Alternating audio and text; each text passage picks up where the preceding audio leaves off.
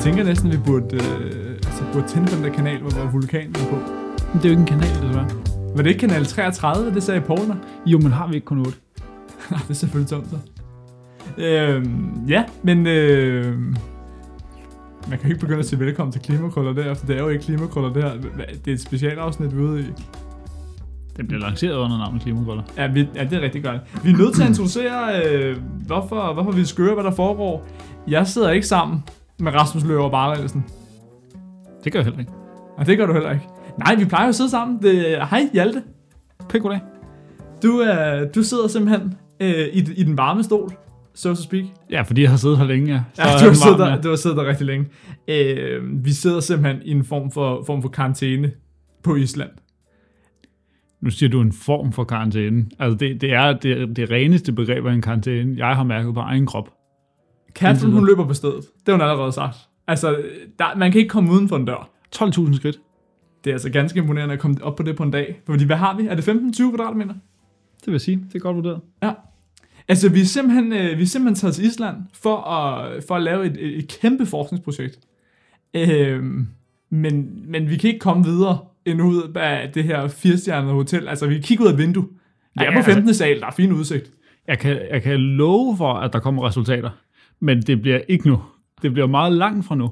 Øh, men, men til gengæld, så er der, øh, altså der, det er nogle store brød, vi har slået op. Fordi det er noget med, at, øh, at nogle af de helt store øh, råd, de, øh, dem er vi i virkeligheden meget uenige med, og, og har simpelthen øh, tænkt os at, øh, at udrede alle deres problemer i løbet af de næste to uger. Er det ikke, øh, er det Og ikke det, korrekt? det, det er fuldstændig korrekt, Hjalte. Fuldstændig. Så, øh, så hele forskningsprojektet her, det beskæftiger sig med havet ud for Islands kyst. Hvad hedder forskningsprojektet?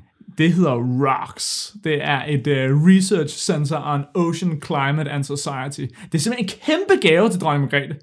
Det er ikke engang løgn. Det er ikke, altså centret er ja. en kæmpe, kæmpe gave. Jamen, det er helt rigtigt. Det er Ja. bare også en gave til, til et islands navn, som jeg ikke har stående, og som jeg ikke kan huske, hvad, hvad hedder. Nå, Victor Stotter eller eller andet. Okay, du kaster dig ud i det. Ja, jeg tror, jeg, du rammer tror, den. ja, jeg tror, jeg rammer den spot on. Det er. Ja. simpelthen en, en tidligere statsminister, som jeg forstår det, på Island, som har fået det til sin 70 års, og dronningen fik det til sin 80 års. Så er det sådan en dobbeltgave Yes. Flemming Besenbakker støtter... Øh, fra Carlsbergfondet. fra Sammen med Carlsbergfondet. Catherine har givet det. Catherine Richardson, professor ved Københavns Universitet, har givet det som en gave til dronningen. Og det synes jeg er fedt. Hun fik vist også en, øh, hun fik vist en orden den anden vej. Altså Catherine, hun fik sådan en flot en. Hun var inde med dronningen på grund af mange års god forskning. Ej, det, er jo, det er jo i pose og sæk, må vi sige. Det var ikke, det var ikke en, en Trumpsk quid pro quo, men, øh, men det var flot. Det ville jeg også gerne have. Det er også en gave til os, Jacob. Ja, Altså, vi, vi, sidder, vi sidder på et, øh, et hotel, Foss Hotel, på 15. sal, med udsigt over øh, hele Reykjavik, og, og, og øh, gave, altså, øh, er en overstatement, fordi flottere er Reykjavik ikke, men det er da bedre end at sidde på... vi kan se det hele. Vi kan se på godt og ondt. Vi kan se den store kirke i brutalistisk stil. Vi kan se de små huse med bliktag. Altså, vi kan se hele Reykjavik det er, det er meget forskelligt, hvilken fornemmelse man får, når man kigger ud af vinduet. Altså fordi kigger man på et bliktag, så har man lidt som om, det er en flygtningelejr, og kigger man på, på den, den store kirke hævet over resten af Reykjavik, så er man ikke i tvivl om, man står i Mordor. Ja, det er også rigtigt. Altså, det er især havet, vi er i virkeligheden interesseret i derude. Ikke? Altså, da vi kom, der var der 6,5 meter store bølger. Det var voldsomt. Nu hvor vi sidder her på, på hotel og kukulure, så, så ligger havet helt roligt og stille. Men vi skal der ud simpelthen fordi, at, at vi skal blive klogere på, hvad har der levet i havet tidligere, og, og hvad lever der nu? Og det, det lyder selvfølgelig... Øh, det lyder ikke som, om det er kæmpe relevant for resten af verden, men det er det faktisk. Og det er derfor, du ligesom teasede for, at vi var uenige med, med intet mindre end øh, IPCC. Altså dem, der laver alle de store klimascenarier. Det er dem, vi er ude for. Vi har et lille bet kørende dem, kan man sige. Og vi er ude for at prøve at udfordre dem og sige, vi har sgu ret. I, har, I tager fejl. Ja, og du- formulerer det som, at, at vi prøver, altså jeg, jeg vil sige, det som jeg har forstået, at, at de siger, det er jo, de har taget det, det fysiske perspektiv på, altså øh, fytoplanktons betydelse for, for havene, og, og hvordan de øh, lærer carbon. Og det, det, jeg kan høre, det er jo, at hvis man spørger dem, jamen så, så afhænger det af gradienten imellem koldt og varmt vand i, øh, i vandsøjlen i havene simpelthen. Så, så jo varmere det øverste lag vand bliver, jo større er forskellen på det øverste lag og det nederste lag. Og det betyder, at mindre vand cirkulerer rundt fra de to lag, og derfor de næringsstoffer, der ligger nede i det koldere vand, det kommer ikke op til, til toppen. Og det betyder simpelthen, at der sker mindre fotosyntese. Det er det, som Catherine på ekspeditionen her siger. Det er ikke sikkert, at det er den her fysiske forklaring, som Nej, hun er, har- forklaringen, Nej. eller, eller overhovedet en, en del af forklaringen. Hun siger, det Hun kan altså være, anden forklaring. det kan simpelthen være, at der simpelthen bare er, er størrelsesforskel på, på fytoplankton, som gør det her. Ja, det, det, det er fuldstændig korrekt, fuldstændig korrekt. Så, så IPCC, de tænker simpelthen, at det, at det er en fysisk forklaring. At det handler om temperaturgradienten, altså, so speak, altså handler om forskellen mellem, hvor der er varmt og koldt vand. Og det spiller helt sikkert også en rolle, og det er det, som de har med i deres modeller for fremtiden. Men Catherine, hun siger, at man skal også se på, i en hvilket økosystem af, plankton er det, der lever i havet. Og, og plankton, det er jo for de fleste bare altså, en masse små altså grønne fnullermænd på en eller anden måde, som, som vivler lidt rundt i verdenshavene. Men der er kæmpe forskel på, på fytoplankton. Altså, de store fytoplankton i forhold til de små, jamen, det er som forskellen på, på en mus og en elefant. Øh, kæmpe forskel. Og det, altså det, det er 30 minutter siden, at, øh, at Catherine sagde det her til mig. Jeg synes, det er, jeg synes, det er dybt fascinerende. Og det er, det er fedt at få det størrelsesforhold på, fordi ellers så er det, det er meget svært at relatere til. Altså, jeg er med på, valer spiser fytoplankton. Men altså for en val går jeg ud fra, er skide ligeglad med, om, om fytoplankton har musse eller elefantstørrelse. Så jeg er i virkeligheden jeg er meget interesseret i, hvad, altså, hvad, hvad det betyder for fødekæden. Ja, og der er det jo... Øh, så det hun sådan set siger, det er, jamen, hvis der er koldere vand, så kommer der til at være flere af de store fytoplankton øverst oppe i havet.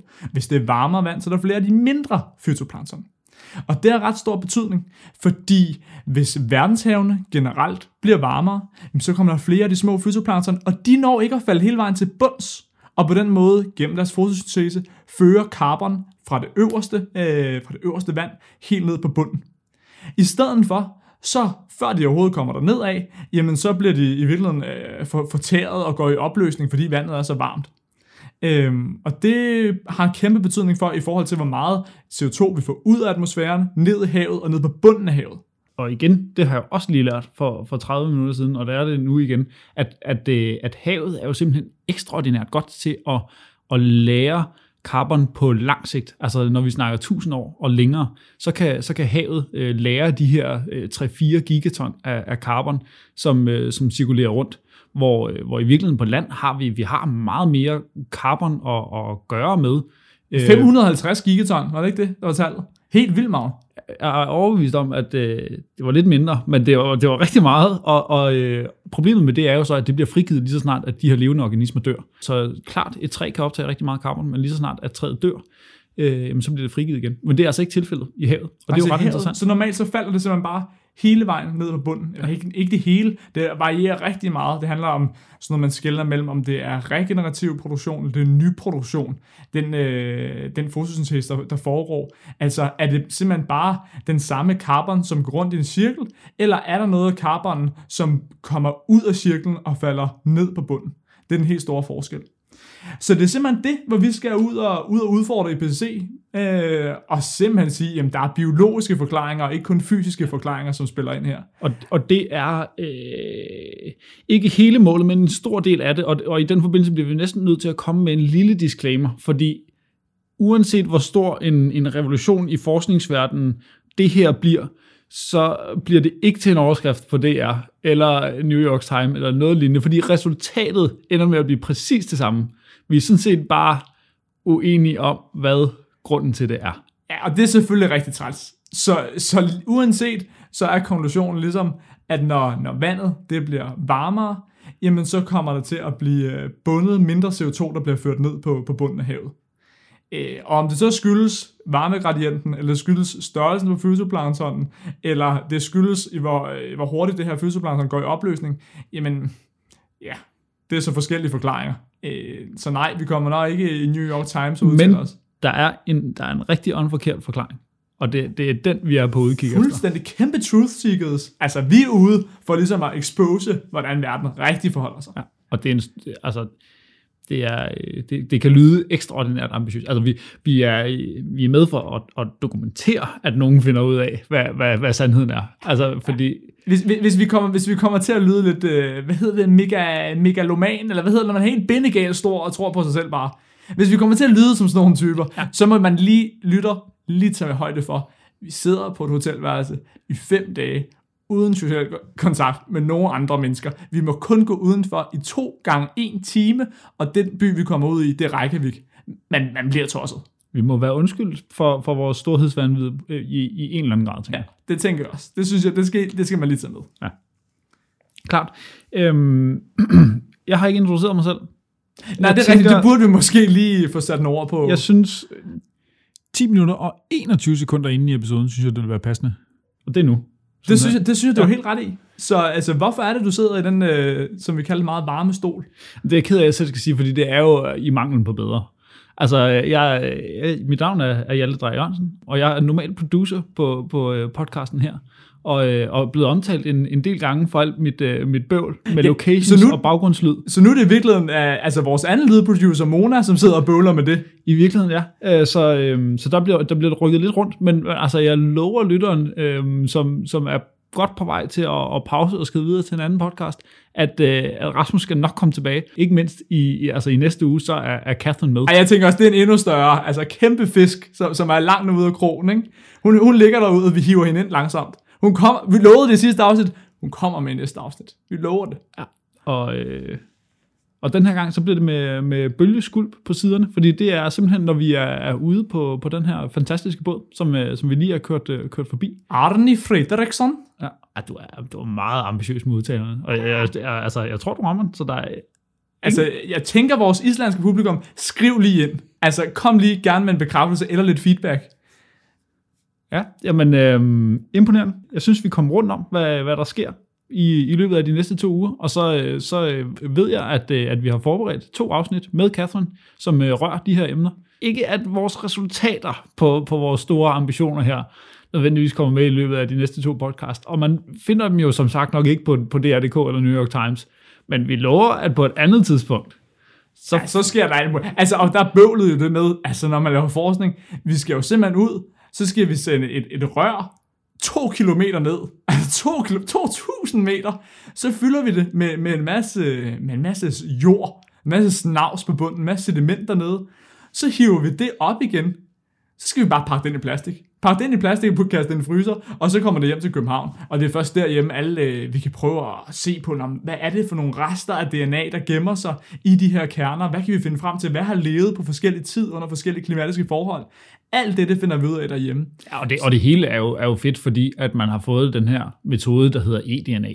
Og det kunne vi godt lave et, et afsnit om. Det, det, altså eDNA står for øh, envi, altså environmental DNA, og det betyder simpelthen bare, at vi kan, vi kan tage mange små stykker af DNA og begynde at læse noget ud fra dem. Vi behøver ikke længere have en, en knogle fra, øh, fra en dinosaur eller en fisk for at, at blive klogere på, hvad det er, der, der ligger i de her øh, undersøgelser. Altså det handler simpelthen om, at, at i gamle dage, hvis man skulle finde ud af, hvad lever der for eksempel i den her sø, så gjorde man det. Altså kastede man simpelthen dynamit ned i søen, og sprang, altså simpelthen sprang det til døde, de fisk og de organismer, du leder der, og så kom de ligesom op til overfladen, eller man kunne tage et stort, dybt net, og så kunne man få fat i det, og så kunne man tælle og prøve at lave en undersøgelse af, hvad har der været her? Det var seriøst, som man gjorde. Hvor i dag, jamen så kan man i stedet for lige tage en prøve af, "Nå, hvad, hvad gemmer der sig af små rester af DNA i det her vand? Og det er simpelthen fordi, alle de fisk og fytoplankton og alt sådan noget, der hygger sig dernede, de udskiller sådan et DNA løbende. Og det kan vi fange ind i vores prøver her, og så vil vi analysere på det. Og det er jo meget federe også for de fisk, der ikke bliver sprunget i luften med dynamit. Det kan jeg ikke udtale mig om, det tror jeg klart. Det Ja. tror jeg klart, du har ret i. Ja, det, det, det tænker jeg også, hvis jeg var en, en lille fisk. Så ja, det, det er simpelthen det, der kommer til at foregå her de, det næste stykke tid. Vi må også sende et lille skud ud til, til Eske derhjemme. Eske Villerslev, han har vist lige fået sat en, en statue op. Han er også en, øh, der er der sådan et gymnasium op nordpå. De har fået en, en statue af ham. Det, det tror jeg på. Altså, han, han var jo med herop øh, sidst, vi, vi øh, lavede noget, noget outreach på projektet, øh, hvor Eske løb op, og der gravede han godt nok bare altså, i jorden på Island, men det er simpelthen fordi, at det her ROCKS, øh, forskningscenter øh, er, er bredere end det, vi lige forklarer nu. Det handler simpelthen om, øh, om samspillet mellem de forskellige systemer, og derfor så øh, har Island også været, været spændende at, at undersøge, også fordi man har noget, noget historisk viden om befolkningen her. Øh, så det har han gravet lidt i. Det er ikke vores spidskompetence her, tror jeg. Men nej, altså, jeg tror, altså, nej, nej, det handler om sådan noget med, så har man lavet nogle prøver af nogle gamle ruter og nogle gamle veje, hvor heste har reddet rundt og sådan noget. Og så har man set, hov, jamen hvad, har, har folk i virkeligheden boet her tidligere, end vi troede og sådan noget. Det kan man nemlig også med den her form for, for metode, hvor man analyserer DNA'et. Så det er mega cool. Men vi lover, vi lover, vi lover, vi skal nok prøve at bryde alt det her kæmpe forskning ned til noget lidt mere spiseligt, noget lidt mere forståeligt. Øh, også så man bare sådan kan forstå bare 1% af det, fordi det er virkelig komplekst, og der er så mange ting i spil samtidig. Man kan sige, når IPCC og alle deres kloge modelfolk, når de ikke kan finde ud af det, jamen, så er det ikke fordi, at alle lige kan regne det ud på en weekend. Det må man sige. Så jeg, jeg tror, ambitionen er, at øh, vi laver en, en kort podcast her, som har introduceret os til, til Rox, øh, og ikke mindst til Catherine, som, som så er med i, i næste afsnit. Og så skal vi prøve at agere mellemmand mellem, øh, mellem Catherine og, og jer, og det, øh, det er jeg ret overbevist om, at, at det, bliver, det bliver interessant. For Catherine ved... Øh, altså, Helt enormt meget. Ja, og også, altså også så meget, så, så det nogle gange bliver for meget. Jeg tror, alle ved, hvad jeg mener. Der hjælper vi lige med at... Øh, at og vide mindre, simpelthen. Er simpelthen, vi hjælper ja. med at vide mindre. Ja, det er vores spidskompetence. Men øh, ja, vi håber, I vil lytte med så her i næste uge, hvor vi sidder ude på, på gyngende undergrund og, øh, og har en Catherine med. Lige præcis. Ha' det godt så længe.